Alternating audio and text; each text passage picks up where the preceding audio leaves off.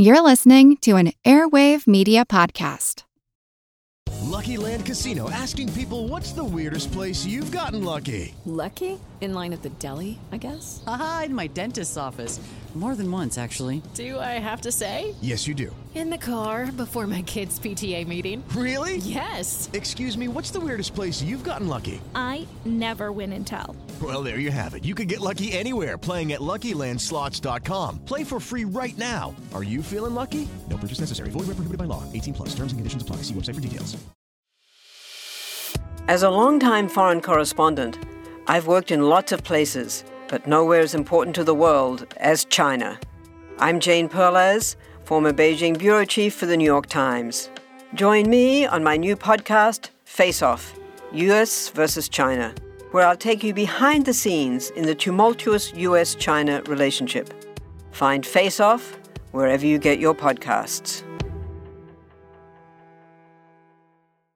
This is Kick Ass News. I'm Ben Mathis.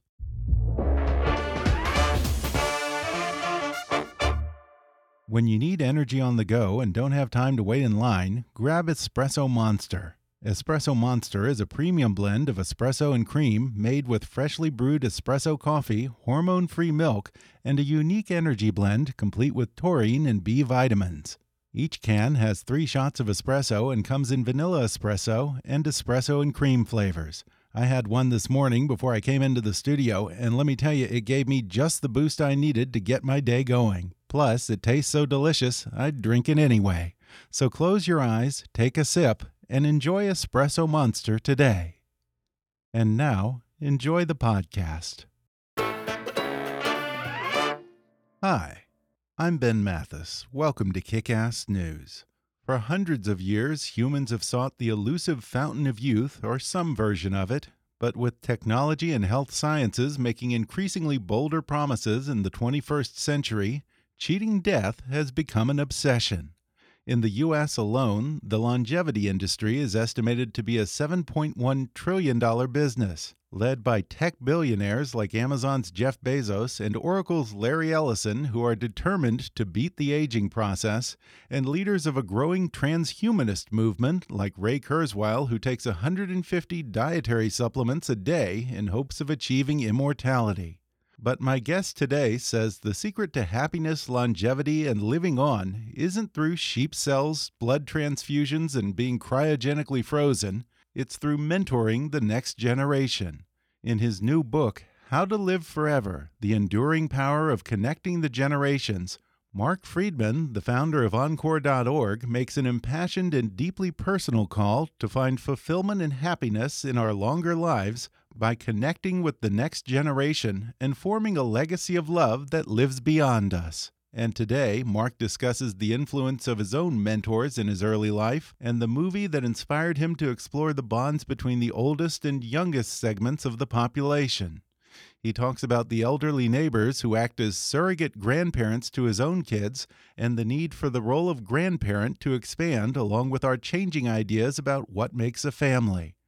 Marc reveals what we can learn from the film The Intern how the mentor mentee relationship helps both young people and old people, and evidence of a side benefit to seniors who really do end up living longer. We attempt to figure out why some interests want to pit baby boomers and millennials against each other, and why, for some people, ageism is still the last acceptable form of prejudice. He also describes the innovative ways that Singapore is investing in building greater bonds between young and old, and why he surprisingly predicts that artificial intelligence won't put older people out of work, but instead put a premium on precisely the kind of things that only seniors can offer. Plus, the starry eyed dreamer who accidentally created age apartheid, how Otto von Bismarck decided your retirement age, and why your child's next college roommate just might be older than you are coming up with Marc Freedman in just a moment.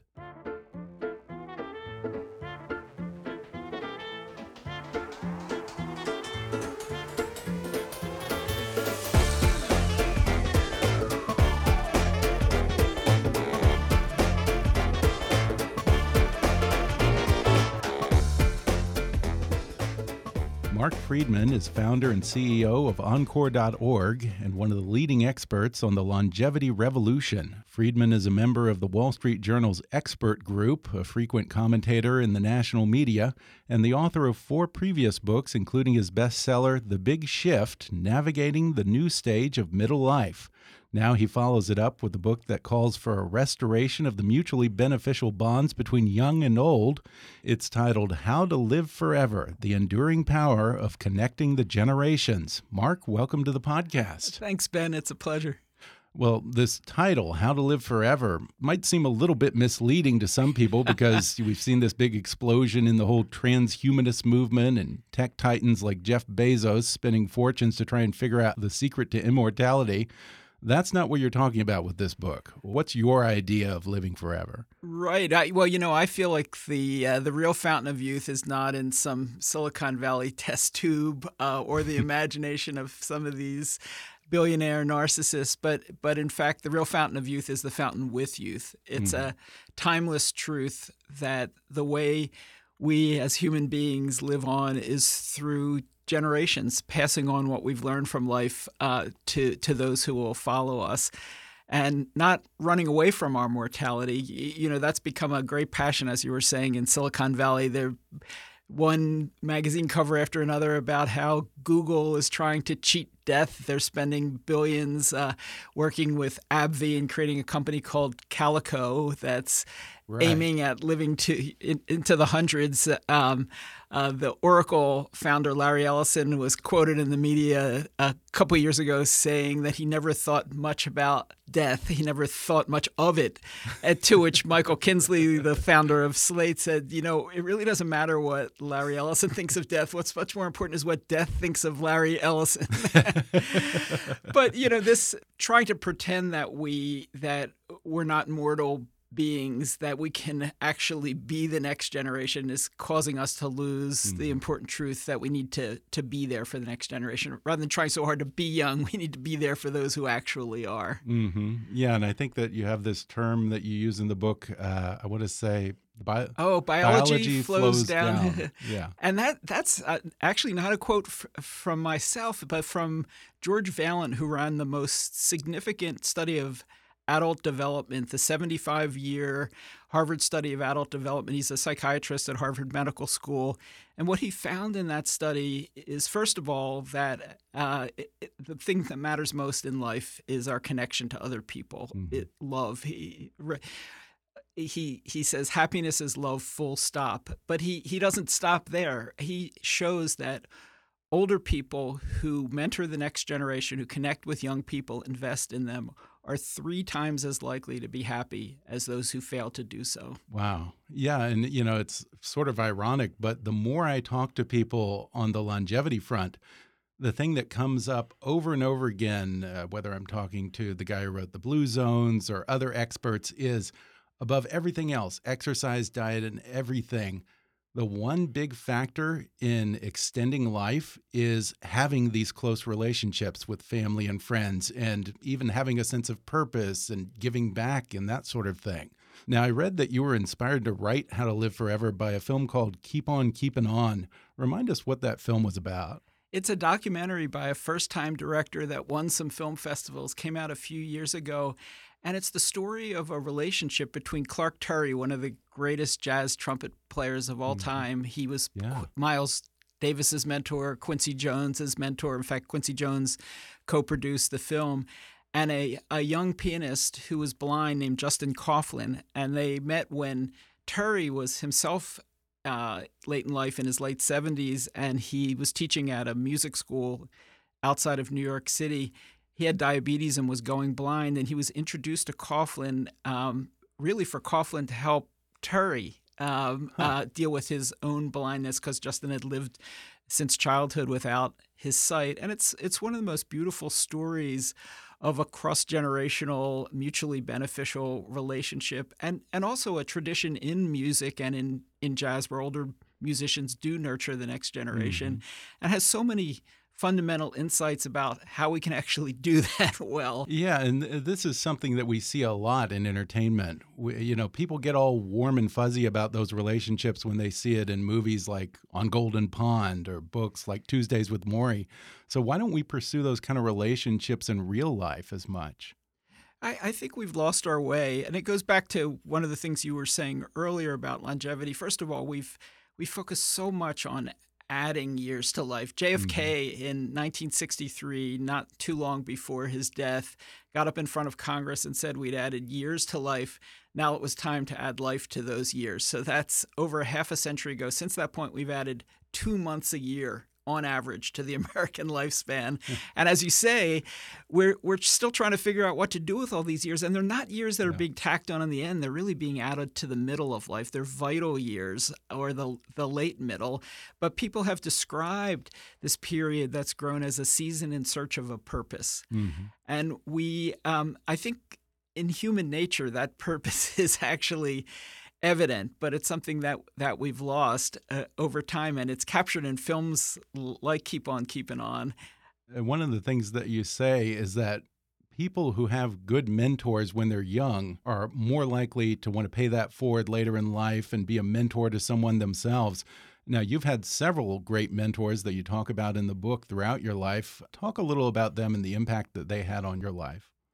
Well, probably the most important relationship, a mentoring relationship I've had uh, in my working life is with a guy named John Gardner, who was a remarkable person. He won the Presidential Medal of Freedom in 1964. You know that ultimate gold watch, yeah. and then he uh, he went on from that point to create the White House Fellows Program to uh, run health, education, and welfare under Lyndon Johnson. He was the only Republican in Lyndon Johnson's administration to found Common Cause and to mentor countless people. Um, and he he helped me in, in enormous ways. Uh, he had a tough minded optimism. Uh, one of my favorite expressions from him is uh, America today faces op- breathtaking opportunities disguised as unsolvable problems. And that was really uh, the way that he he tackled life. And then even at the end of his life, um, I remember a speech that he gave in which he he was talking about aging, and he started out with a story from his mother,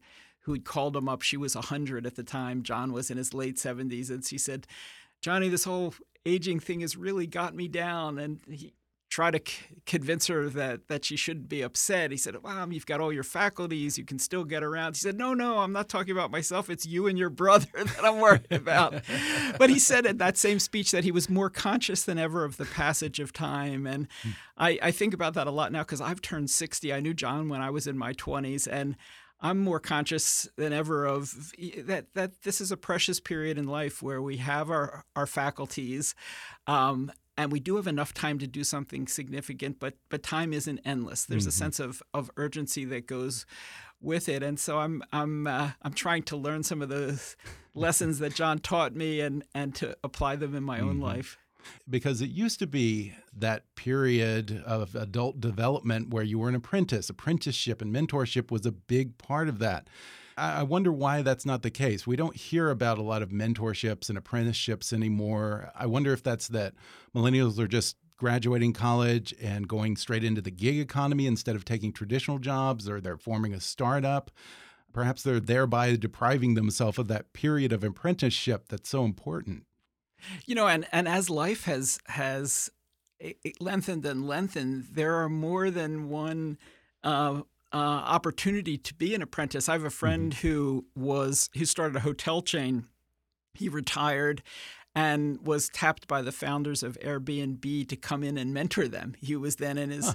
late 50s and in the process he he was teaching them about the hospitality industry. They were teaching him about the sharing economy and mm-hmm. he describes himself his name's Chip Conley as becoming a modern elder where he was simultaneously a wise sage and an apprentice himself. And, and I How think it, it, it underscores that, that these relationships are so mutual. But, but to, to your question, we have really lost this natural connection between older people and younger people over the last century. We started the 20th century as the most age integrated society in the world and ended it as the most age segregated, a kind of age apartheid that yeah. exists now where older and younger people have very little opportunity to connect in daily life and and that runs against the grain of human development it runs against the grain of human history there are evolutionary anthropologists who argue and i think it's accepted in that field that it was the role of grandmothers who actually made us human that they the nurturing that at the beginning of human history that older women did of human babies is what enabled both parents to go out and hunt and gather mm-hmm. and it enabled the long gestational period that that results in big human brains and that mm-hmm. differentiates mm-hmm. us from all other species. So really if you go back to the beginning of time older people played this role and did for millennia until the last century. And and it's it's a grievous wound that we've inflicted on ourselves, but we did it for the most understandable reasons. And in the 19th century, we it was an agrarian society. We lived in multi generational households. We worked side by side, older and younger, in farms. Even one room schoolhouses had people in their 30s and 40s right. next to children. Right. Yeah. And uh, we had no concept of age in society. We didn't even celebrate birthdays. But then, beginning in, in the last century, we started to, to focus on a more quote unquote efficient arrangement where we stuffed young people into mm-hmm. educational institutions, middle people into the workplace, and older people into a set of, of places like senior centers, mm-hmm. retirement communities, um, nursing homes, and the twain stopped meeting in, in daily life. And, and, I was really interested in the science of these bonds because uh, you just mentioned something that I think is called the grandmother hypothesis which highlights how important these relationships are and how important it is to have that elder in a family's life because you say that this supposedly explains why women live longer than men. It does. It explains why women live beyond menopausal age. That was mm -hmm. a mm-hmm. big question because men could keep right. reproducing until late in life, but anthropologists wondered, well, why, if if women weren't reproducing, why why did they live long even from the beginning and and that partly answers that question but it, it also answers that the thinking behind uh, the quote that you mentioned earlier biology flows downhill. It's really biology. It's deeply rooted in in who we are and and you know it's funny it took me 25 or 30 years to to understand that because when I started my work I was focused on research on on children which has shown that young people who have support from adults are much more likely to, to do well. And there's a, a whole body of research on resilient kids who grow up against the odds and who make it. And it always turns out that there's a caring adult in the mix. In fact, Urie Bronfenbrenner, who was one of the great child development scholars in America over the last 50 years who co-founded the Head Start program at the end of his life was asked, you know, can you can you encapsulate everything you've learned from all of these years in scientific papers? And he said, what every child needs is at least one adult who's irrationally crazy about them. and so I thought, oh, you, you, know, where, where can we get the adults to be irrationally crazy about kids? And we're in this population explosion of, of older people. So I thought, you know, untapped needs, unmet unmet needs, untapped resources. Let's kind of clear that market. But mm-hmm. it turns out that older people are not just warm bodies. We're actually going back to the grandmother hypothesis, built for this role. As you get older, there's now research by a, a psychologist at Stanford named Laura Carstensen shows that as we get a sense that there are fewer years ahead than behind, it drives us to think about relationships in our in our life. You know, if you told you have three months left to live, you don't go out and study the oboe, right? you know, you go right, see your right. siblings and your yeah, family, and and so as we get older, we actually have an inchoate sense that there's less time ahead and it leads us to focus on relationships and all the most important skills in relationship emotional regulation empathy actually gets stronger as we get older. There's a body of research that shows that as well. And as we were saying before there's a direction to a lot of that connection which is that it flows downhill that we mm-hmm. start thinking about the next generation and investing in that group and now you mentioned some of the benefits to these kids who have some type of a mentor or an older figure involved in their lives. Um, apparently, there's hard data that actually shows their grades are better and all kinds of benefits, right? There, there's quite a bit of evidence now. You know, one of the questions on all this research about resilient kids who who made it uh, despite poverty um, also showed that they had an uncanny ability to seek out adult mentors and make them mentor them. They were Really? charismatic.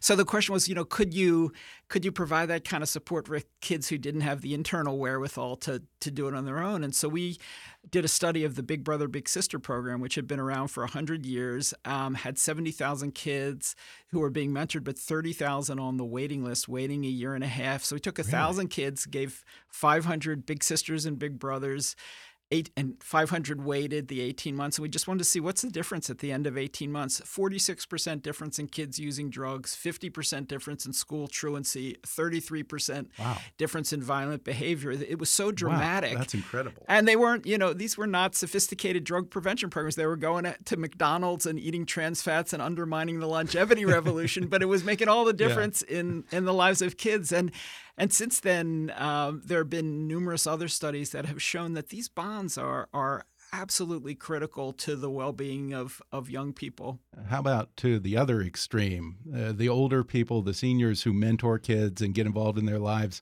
What are the cognitive, emotional, and maybe even physical benefits to seniors of building these bonds? Well, about uh, 25 years ago, I teamed up with uh, a geriatrician named Linda Fried, who is now the dean of the Mailman School of Public Health at Columbia University. And we created with John Gardner a program called Experience Corps, in which teams of 10 to 15 older people will spend half time working in inner city elementary schools, mentoring and tutoring young people. And over time, researchers at Johns Hopkins Medical School, where Linda Fried previously worked, and at Washington University in St. Louis have been studying the benefits to, to young people, uh, which have been considerable, but also to older people. And there's now a, a, a study out from Hopkins Medical School which shows that participation in Experience Corps reverses some of the preconditions to dementia. So not only does this kind of engagement make people happy, but it also makes them healthier. There's been much lower uh, rates of diabetes and other chronic conditions, um, but it might even play an important role in living longer and and uh, and living in a healthy cognitive state as well. Wow. Yeah, that's interesting. The less you focus on longevity and just focus on giving meaning and purpose to those years, uh, maybe the side benefit is that you do get a few more years. Yes, and Yeah. and there is there's so much um, deeply spiritual benefit as well. You know, young people need to be nurtured, but older people need to nurture to be needed. And I I remember going to Experience Corps years ago and and meeting uh, one of the members of the, of a team in an elementary school in Philadelphia, a woman named Martha Jones, who told me a story of of a cold Philadelphia morning where she really did not want to go to school. She'd been sick. It- was sleeting outside, and she went back to bed. And then she realized how much she'd be missed by the kids, and finally pulled herself out. She drove to uh, to school, and while she was hanging up her her coat, she felt these two little arms climbing up from behind her, and she said, "Somebody loves me." and I think you know we we just all throughout the life course we we need not just a sense of purpose, but but a need to be needed. We're going to take a quick break, and then I'll be back with more with Marc Freedman when we come back in just a minute.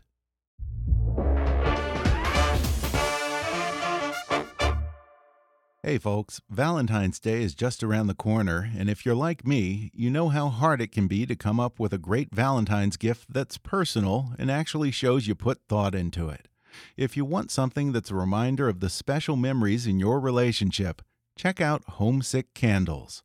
Homesick Candles' unique scents reflect all the U.S. states and dozens of cities around the world. They're a thoughtful way to tell the story of your relationship's journey.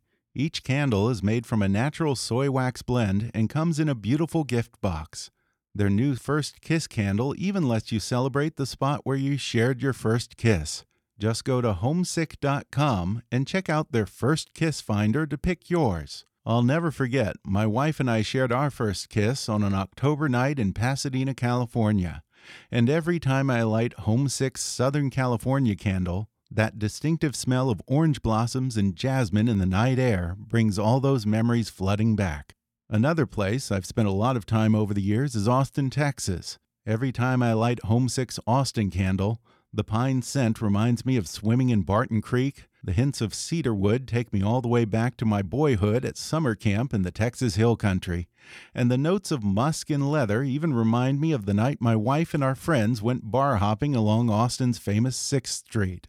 That's because none of our other senses have the power to evoke a special memory, a sense of time and place like scent does. Maybe even a moment from long ago that you might have thought you'd forgotten. That's what makes homesick candles such a brilliant idea. I'm already thinking about which candles to get for my friends' birthdays, for my brother, and my parents' anniversary, because a gift that actually has meaning to someone is priceless. So go to homesick.com, and for every classic size or three wick candle you purchase, you'll get a free mini candle of your choice. Just pick your favorite memories and candle, add them to your cart, and for each classic or three wick, you can add your choice of any mini candle for free. All you have to do is enter the code KICK at checkout. That's homesick.com with promo code KICK for this awesome deal. One more time, homesick.com and promo code KICK. This great offer is only available until February 15th, so order now. In today's age, it can be hard to find the time to sit down and learn more, especially when the likes of social media can be so addictive and time consuming. So you might think that you don't have time to read a book or develop yourself. Well, think again. Blinkist is the only app that condenses thousands of nonfiction books into the best key takeaways and need to know information, so you can read or listen to them in just 15 minutes. 8 million people are using Blinkist right now, and it has a massive and growing library, from self help, business, and health to history books. I read a lot of books for interviews on this podcast, and that takes up a large part of my day. But with Blinkist, I can get to the most important points of a book, which prepares me for my interviews in less time and really makes me a more intelligent, informed, healthy me. For instance, I just had Dr. Steven Pinker back on the podcast, so beforehand I used Blinkist for a quick refresher course on two of his most recent books, The Better Angels of Our Nature and Enlightenment Now. They have a long list of books available. Over the holidays, I used Blinkist to reacquaint myself with Dale Carnegie's classic, How to Win Friends and Influence People. Plus, I'm an auditory learner, so being able to listen with Blinkist suits me perfectly. And right now, for a limited time, Blinkist has a special offer just for my audience. Go to Blinkist.com/kick to start your free 7-day trial. That's Blinkist, spelled B-L-I-N-K-I-S-T. Blinkist.com slash kick to start your free seven-day trial. One more time, Blinkist.com slash kick. Did you know that 43% of college graduates are underemployed, working jobs that don't even require a college degree? Imagine if one of the most significant investments of your life, your college degree, only worked half the time. A refund is the least you'd expect. With courses in software engineering, data science, and UX UI design, Flatiron School stands behind its students with a tuition money back guarantee. Flatiron offers graduates a career services program with career coaches and ongoing learning. Students who follow every step of the plan and don't get a qualifying tech job offer within six months of graduating are eligible for a full tuition refund. See the complete details at flatironschool.com/terms. With graduates at hundreds of leading tech companies, the Flatiron School program is working. Full and part-time programs are available online and at Flatiron School campuses around the world. Join the school that's reinventing education, starting with student outcomes. Learn more at flatironschool.com/kickass. Again, that's flatironschool.com/kickass. And now, back to the show. Now, you highlight this particular kinship between the very young and the very old in a way that doesn't necessarily exist between those groups and that middle generation. Why do young people and old people get along so well? Is there some kind of common cause between them? Well, you know, I think I think there is. Um, Margaret Mead, another uh, great uh, Yeah. anthropologist said that that the young and the old uh, had a lot of fellow feeling because they had a common enemy. Those people in the middle. Right. I don't know if she was right about that, but I do think it it, it is rooted in the cycle of life. You know, Mm-hmm. as we near that period where where we realize the you know the years ahead are are smaller. I think in a very deep way. Um, we're able to ease that central sorrow of our mortality through knowing that we're passing on what we've learned from life to to young people to children. In fact, there's a a wonderful Greek proverb society grows great when older people plant trees under whose shade they shall never sit. And so I think that that is, uh, you know, an encapsulation of that impulse. In many ways, these are the roles that were traditionally played by grandparents, but of course, not everyone's grandparents are alive, and maybe they live across the country from their grandparents. You and your wife actually have a couple of older neighbors who you say act as surrogate grandparents to your own children. As our definition of family broadens and evolves in this century, does our concept of the grandparent relationship need to evolve as well?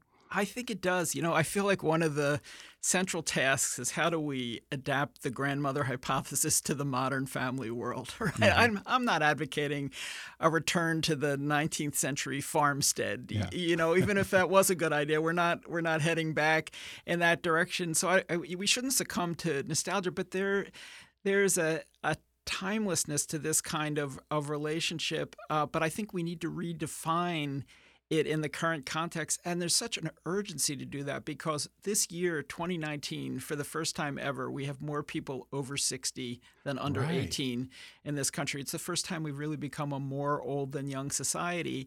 And you know, you could look at that as a source of, of conflict, kids versus canes, and yeah.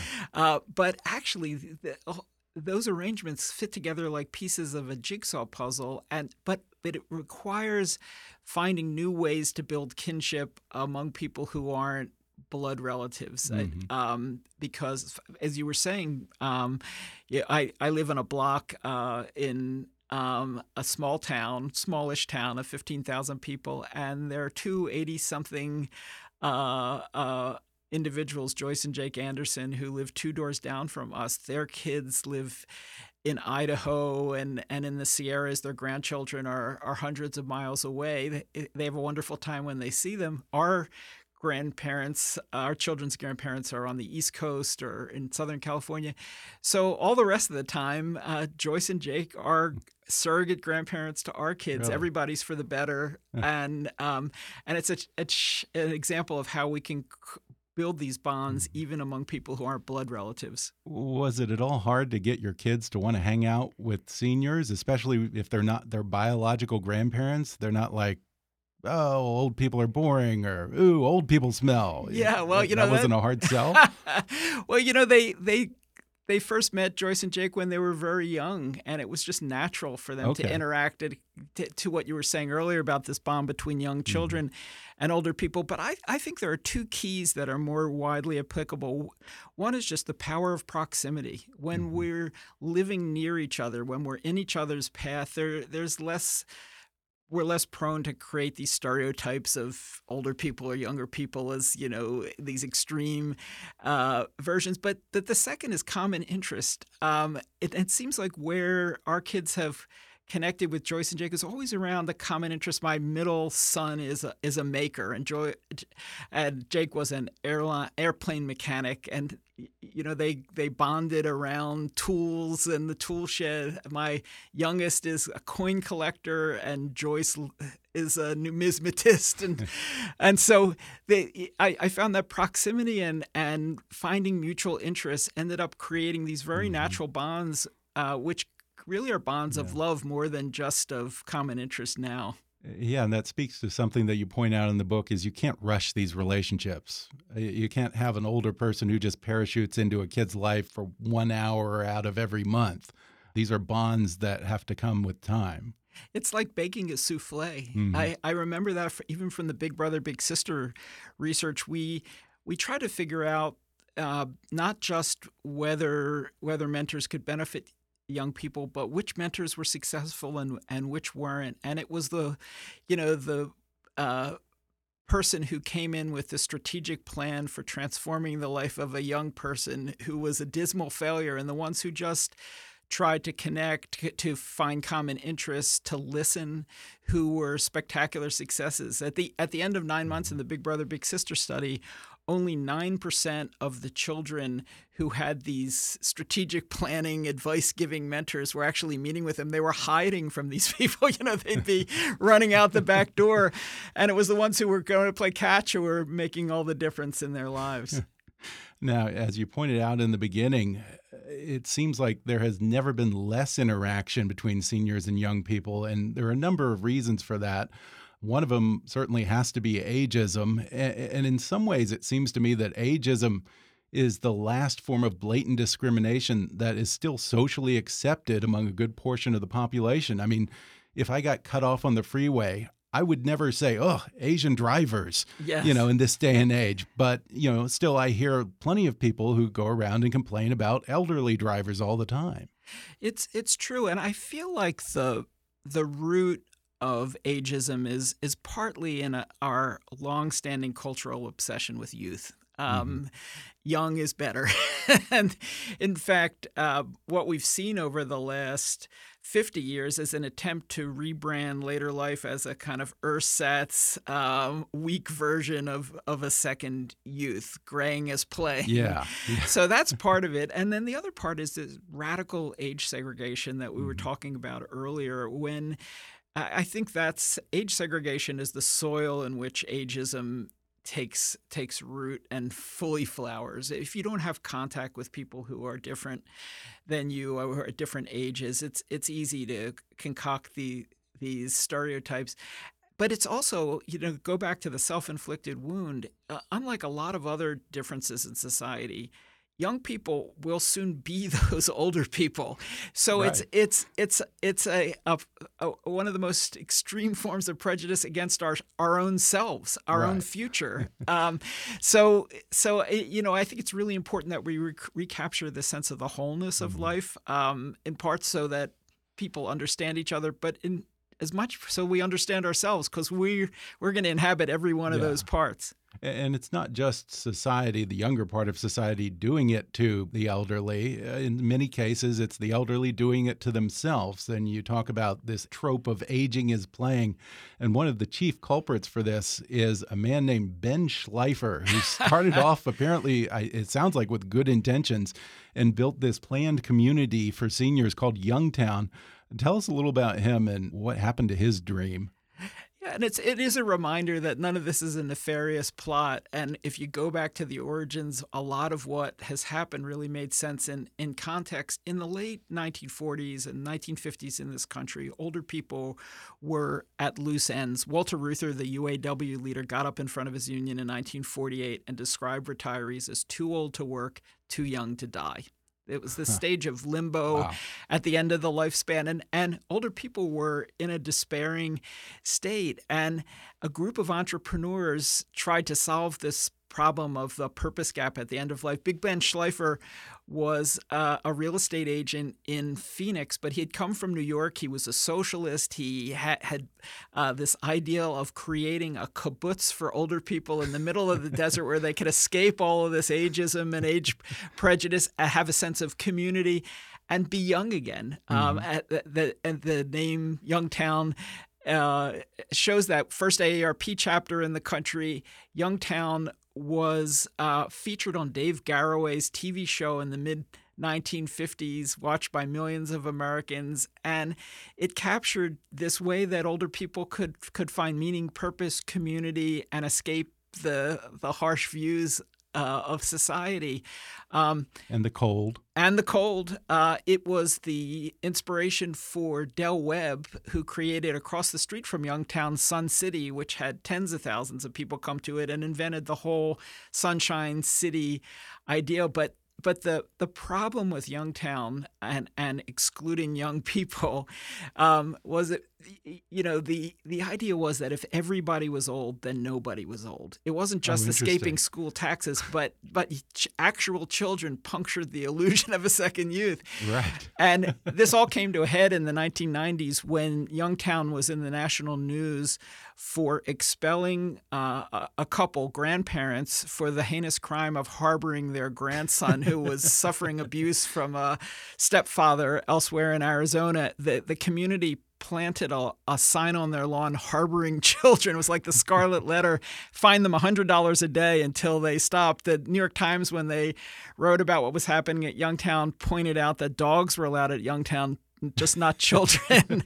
and across the street at Sun City, one of the most popular volunteer activities to this day is the age police, which follow school buses around to make Really? sure that they're not dropping children off in the in the community. So it, it it's it's it became perverse, and I think it's um it's all the more uh, unhelpful as we move into this new demographic era where we do have more older people than than young people. We we can't Yeah. have a national age police keeping the generations apart. We need to move in the other direction.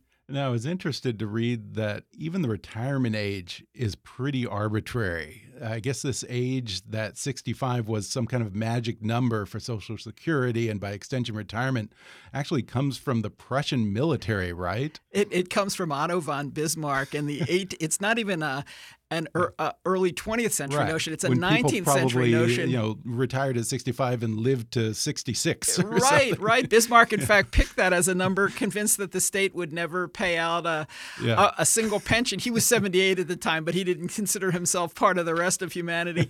but John Shoven, an economist at Stanford, has shown the absurdity of this idea that at 65 you're over the hill. He, he, he points out that we would never use 1935 dollars in 2019 without adjusting them for inflation but we use the 1935 de- definition of being elderly of being over the hill as if it was some eternal verity.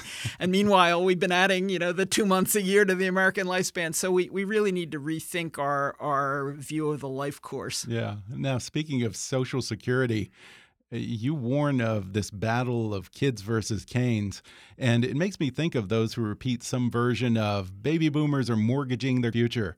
Uh, Who's behind this whole kids versus cane rhetoric? Is it political? Is it special interests? Who stands to gain from pitting young and old against each other?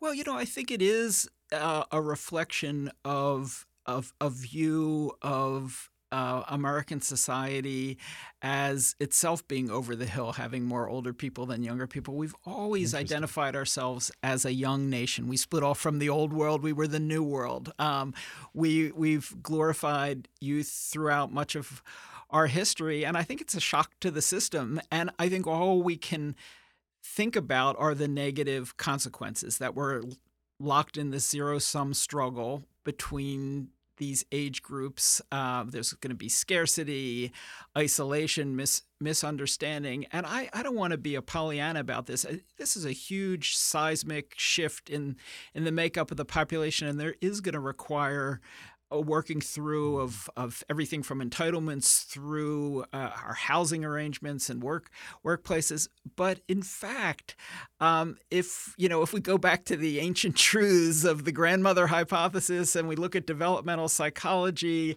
um, the, the, these these generations fit together like pieces of a jigsaw puzzle. I'm somebody who spent much of my life thinking about how we can do right by young people, and if you know you were to bring in Bain or, or McKinsey and get in front of a whiteboard and think of a population that had all the assets that young people need today, it would look an awful lot like the older population that's washing over us. And so I think there's an enormous opportunity for resilience in, in the current situation. I want to talk a little about some solutions to all this. One place that you say is doing a really good job of addressing this issue and creating opportunities for more interaction between these generations is Singapore.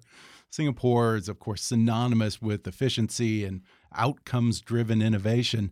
What's Singapore doing right on this particular front? Well, it's we're sitting here in in the Los Angeles area. Singapore is about the size of Los Angeles, and they're spending three billion Singaporean dollars, about two point one billion U.S. dollars, to become a kampong for all ages. Kampong being the Malay word for village, built around intergenerational harmony. And you know, you think of it as a society, an Asian society that where there's a lot of respect for older people, but the forces of modern life have divided the generations in, in Singapore. And so there it's it's taking a, a large scale society wide initiative to realize this, but it's it's rooted in common sense. So every senior center and every preschool that's built in Singapore now will be co-located.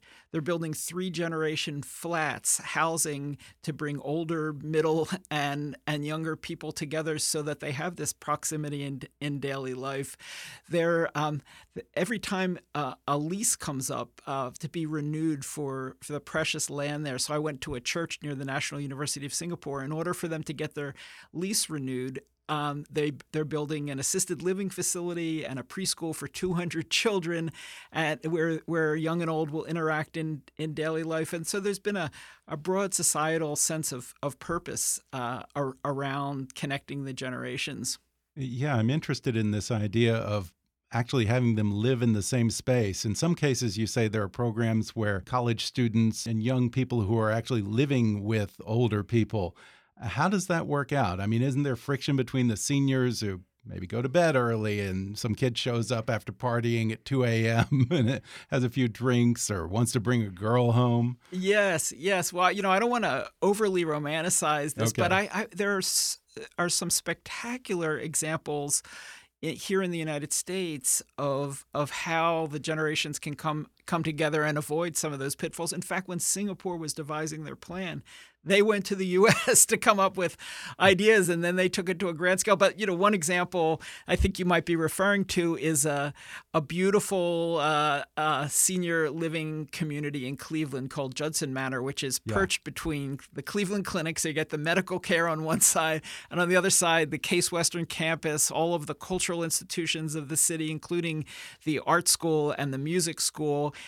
And the folks at Judson, being art loving older people, decided that they would provide free housing for graduate students in music in return for these music students pl- playing concerts. And so they moved into Judson Manor. Uh, there's a wonderful video about the place called the Retirement Dorm.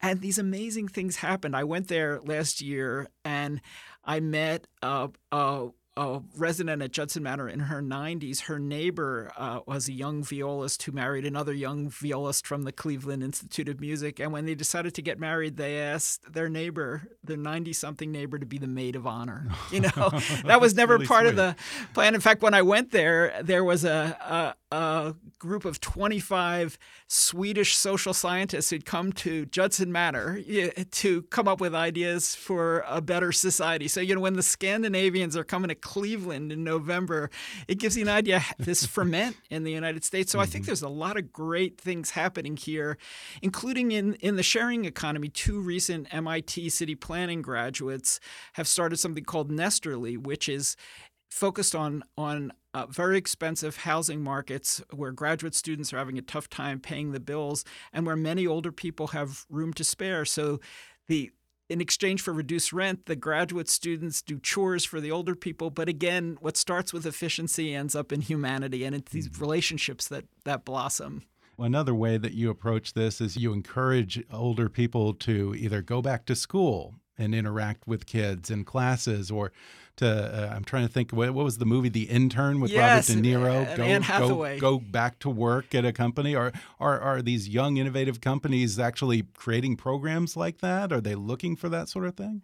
You know I think all all of these basic institutions of society where we were remarkably creative in separating people out in communities, in the workplace, in education, are now starting to discover the benefits of actually bringing people together. There is a, mm-hmm.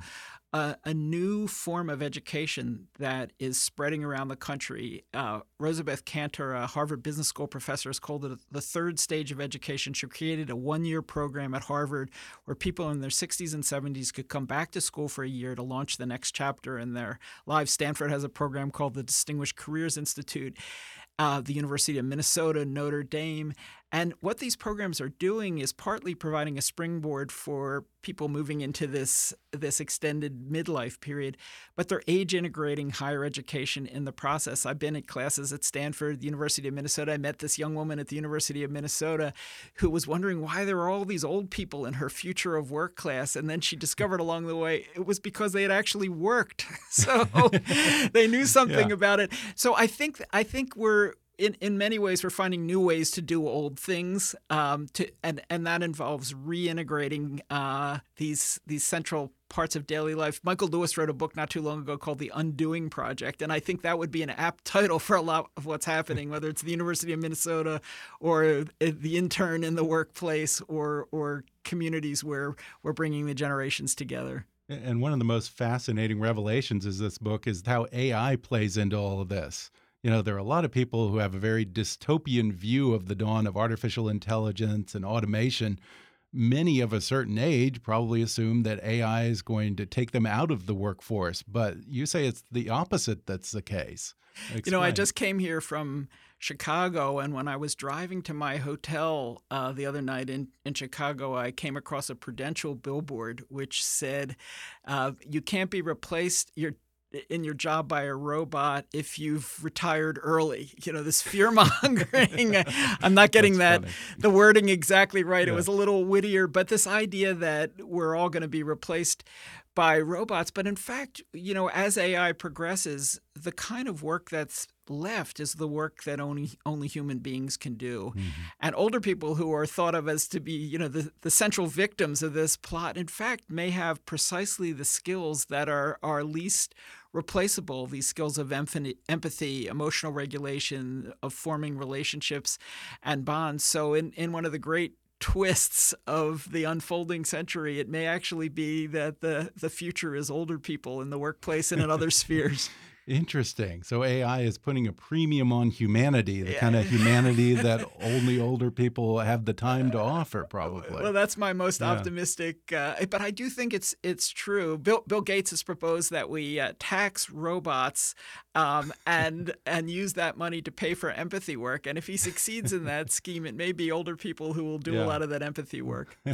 Well, you end the book with a few final thoughts to keep in mind in order to foster these kind of bonds. Uh, can you walk us through those?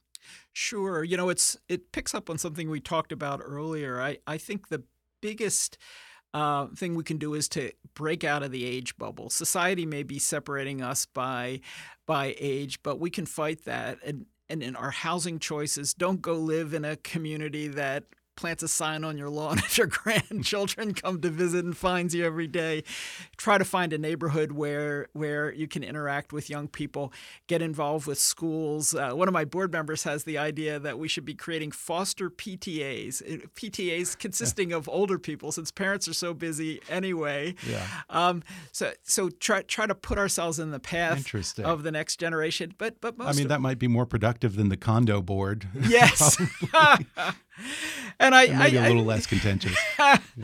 Well, I think, and then you know, I, I, I think common interest is really important. There are powerful developmental features that that drive young and old to to connect with each other, but it really helps if you have an intermediary. I think of my son with my neighbor Jake Anderson at the at the uh, power saw. Uh, maybe that isn't such a good idea, but or the or the uh, the young music students and the older music lovers at Judson Manor. I, I think that's really important. But you know, I'd say one of the biggest things we can do is actually just focus on on listening. Um, I learned that in the Big Brother Big Sister research. My mentor John Gardner said that um, you know everybody wants to be interesting, but the the real skill is being interested. Good advice. And also, people can check out encore.org. Uh, briefly, before we go, tell us a little about the programs that you guys have in place to address this. Well, our first program was Experience Corps, which you can think of as a, a Peace Corps comprised of older people focused on on low income elementary schools helping kids read by grade 3 we developed for 10 years something called the purpose prize which is focused on social innovators over the age of 60 you know we think of of innovation as being the exclusive province of young people. But over that 10 year period, we had 10,000 nominations wow, for cool. the Purpose Prize. And we have a, a program now called the Encore Fellows program, which is essentially a gap year for grown-ups where you can spend a year in a nonprofit using your previous skills, maybe in, from the corporate world, but in ways that help strengthen the capacity of nonprofits. And our, our latest effort is a campaign to get a million older people to stand up and show up for the next generation. It's called Generation to Generation. Wow, fantastic stuff. Well, folks, go check out encore.org and learn more, donate, and whatever you can do to get involved. And again, Marc's book is called How to Live Forever The Enduring Power of Connecting the Generations. Marc Freedman, thanks so much for talking with me. Thank you, Ben. It was a pleasure.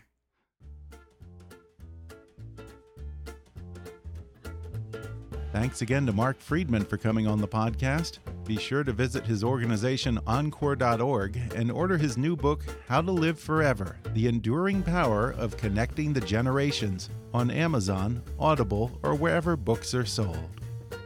Flatiron School is reinventing education, starting with student outcomes. With courses in software engineering, data science, and UX UI design, Flatiron School stands behind its students with a tuition money-back guarantee. Learn more at flatironschool.com/kickass. That's flatironschool.com/kickass. In today's age, it can be hard to sit down and learn more. You may think you don't have time to read a book. Well, think again. Blinkist is the only app that condenses thousands of nonfiction books into the best key takeaways so you can read or listen to them in just 15 minutes. And right now, for a limited time, Blinkist has a special offer just for my audience. Go to blinkist.com/kick to start your free 7-day trial. That's Blinkist spelled B L I N K I S T. Blinkist.com/kick to start your free 7-day trial. One more time, that's blinkist.com/kick. If you haven't already, be sure to subscribe to Kickass News on iTunes and leave us a review. You can follow us on Facebook or on Twitter at, at KickassNewsPod. And as always, I welcome your comments, questions, and ideas at comments at kickassnews.com. I'm Ben Mathis, and thanks for listening to Kickass News.